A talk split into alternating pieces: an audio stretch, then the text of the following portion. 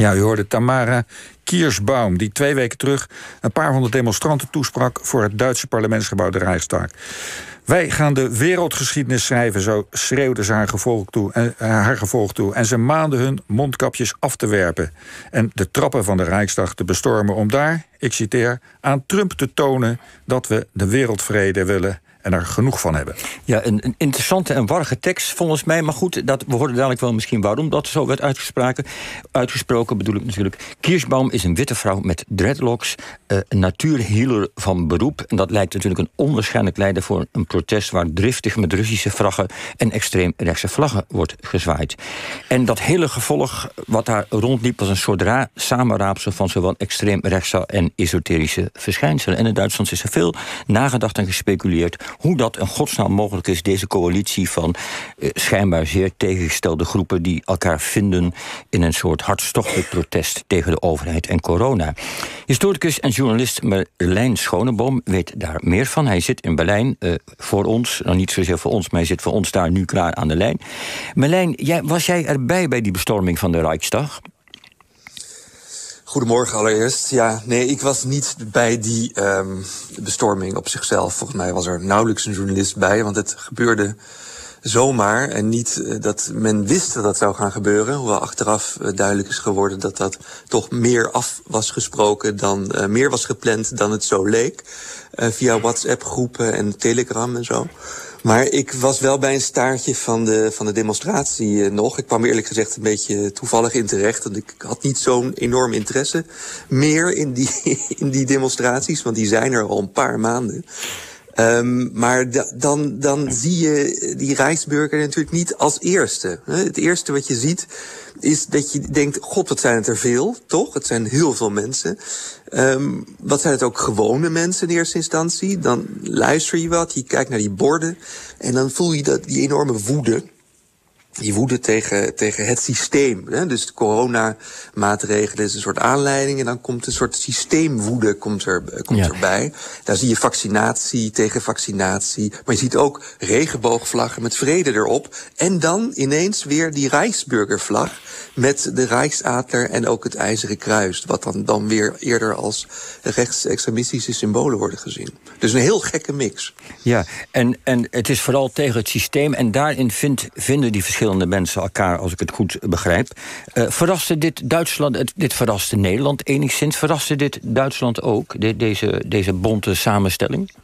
Ja, er is ontzettend veel over geschreven de laatste weken. Natuurlijk weer zoals het in Duitsland gaat met een hele batterij historici erbij. Hè? Dat, uh, want die gaan dan op zoek naar waar dat dan vandaan komt. Um, maar het was er natuurlijk al de afgelopen maanden. Deze mix was er al. Het kwam nu alleen zo sterk ineens zagen we het in die ene figuur vooral, die daar stond, die Tamara Kiersbaum. Die, vrouw met die dreadlocks. Die, met die dreadlocks, met die, met die natuurheler, of hoe noem je dat, heilpraktikerin. En die dan ineens over Trump en de wereldvrede begint. En dan die Rijksburgervlag. En dan denk je, hoe kan dat nou? Wat is dat dan? Wat is dan die combinatie? Ja, want je zegt, historici zijn op zoek gegaan naar de oorsprong daarvan. Uh, zijn ze er al achter? Hebben ze, ja, nou, in, eerste instantie, kijk, in eerste instantie gaat het over die beweging, die Rijksburgerbeweging. Daarin, uh, de, dat is iets wat heel erg uh, in opkomst is de laatste, de laatste jaren in Duitsland. En er wordt nu wordt dat gecombineerd met allerlei internet uh, complottheorieën als QAnon. Maar het was er natuurlijk al. En in die beweging zelf al, dat is een beweging die dus de Duitse staat niet zegt, zegt te accepteren. Tegelijkertijd zit in die beweging ook al een esoterische uh, uh, aspect. Waarin er dus naar, naar uh, allerlei metafysische en irrationele um, theosofische aspecten wordt, wordt teruggegrepen. Um, dus dat zit er al in. Maar Kiersbaum die vermengde het dus ook nog met Trump en de wereldvrede. En dat was natuurlijk heel gek, want dat denk je dat is eerder zo alternatief. En, en dat moest ik zelf ook over nadenken. En toen merkte ik ineens, oké, het kan dus wel. Want als je verder leest, op hun website bijvoorbeeld... dan zie je dat ze die wereldvrede, die moeten ze verdedigen tegen een elite of tegen een, een schaduwwereld die, die daartegen is. Die dus niet wil dat die vrede ontstaat. En dan kan ineens zo die, dat rechtse element opkomen. Want wat is dat? dat en, is en, en die elite alleen. die is zichtbaar, onzichtbaar, die trekt aan touwtjes zonder dat wij het kunnen zien. En Precies, vandaar daar komen corona, we natuurlijk dat soort die, dingen. bij die precies. Dat is wat we allemaal ook kennen. Ook in Nederland uh, hoor je dat veel dat is, uh, de, in Nederland hoor je uh, woede op de regering, een, een, elite, maar ook de media uh, komen daarbij. Maar voordat je het weet, zit je ineens ook bij antisemitisme. Als er ineens, zoals in Duitsland bij deze Rijksburger, veel gebeurt dat ineens wordt gezegd, de, de, de, de, de, het is een complot van, van Joden bijvoorbeeld, die ons de waarheid niet willen laten weten. Nou, dat komt allemaal ineens samen en daarom kan je ineens beelden zien als, als, als hippie-achtige figuren die tegelijkertijd meelopen met, met, met, met, met, met Rijksburger die eerder antisemitisch in, ik geloof zijn. Dat, dat, is, dat is die combinatie. Ik geloof dat, was het in de New York Times of een andere Amerikaanse krant die ook het begrip nazi-hippies munten. Is, is dat het terecht begrip? dus, nou ja, hier wordt er dan gesproken over rechtse esoteriker, hè, rechte esoteriker. Um, die, er is een overlap maar, zijn, maar, die, maar dat idee van de bruine esoterie, zoals het een eh, bruine esoteriker, zoals het in Duits wordt genoemd, dat, dat, bestaat al, al, dat bestaat al heel lang. Dat heeft ook een historische hm. achtergrond. En daar is veel over gesproken de afgelopen. Nou, vertel eens wat over die historische achtergrond dan. Ja, nou ja, in eerste instantie gaat men natuurlijk naar, uh, naar uh, uh, 1900. Dus de tijd dat die esoterie echt enorm bloeit. Vooral ook in, in Duitsland. En um, daar zijn zowel, ja, laten we zeggen, linkse als, als rechtse elementen bij. Op het moment dat je.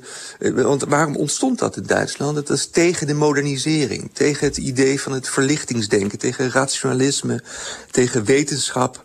Um, daar komt zowel anticapitalisme komt dan op. Het wordt gezegd, dit, dit, is tegen, we zijn tegen de industrialisering. Maar het kan ook kan daar bijvoorbeeld in, in verlangen naar zuiverheid ontstaan. En dan kan er een, zoals bij de Ariosofen, kan daar ineens die hiërarchie tussen de rassen ontstaan. En zeggen de Duitse ras is beter. En andere rassen want dat woord rassen wordt dan gebruikt, mm -hmm. zijn dat uh, minder. En dan kan, kan het antisemitisme ineens een heel, heel sterke en extreme uh, richting opslaan. Ja, maar, de maar dat antisemitisme was er natuurlijk al. Hè? Ja. ja. Maar de Ariosofen waren een soort voorlopers van de nazi's? Of wat moet ik me daarbij voorstellen? Ja, nou ja, dat is een, kijk, het zijn allemaal aspecten die enorm uh, bediscussieerd worden onder historici. Maar de, mm -hmm. het mhm. nazisme bouwt natuurlijk voort op dit soort theorieën.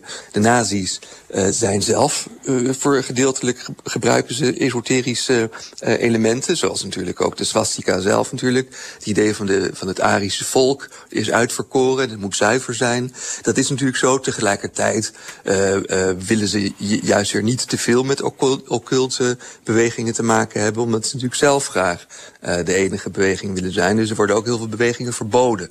Maar het is natuurlijk wel zo dat bij de nazi's, dus vanaf de uh, late jaren 20 en de jaren 30, um, um, komt dit allemaal samen in deze extreme, in de extreme gewelddadige nazi-ideologie. Ja, ja. Maar, maar, moeten we ons nou echt voorstellen dat figuren als, noemen ze wat, eh, Himmler voor een, een, een kristallenbol zitten of ernstig met astrologie, astrologie en zich dergelijke, dergelijke zich bezighielden? Kijk, dat is weer iets anders. Hè? Dat is aan de ene kant heb je dus die zuiverheidsleer, die ook, op, um, ook in ariosofische achtergronden heeft en ook andere occulte achtergronden heeft. En aan de andere kant zijn er inderdaad veel, veel opvallend veel uh, hooggeplaatste nazi's geweest die daar, zich daarmee bezig hielden.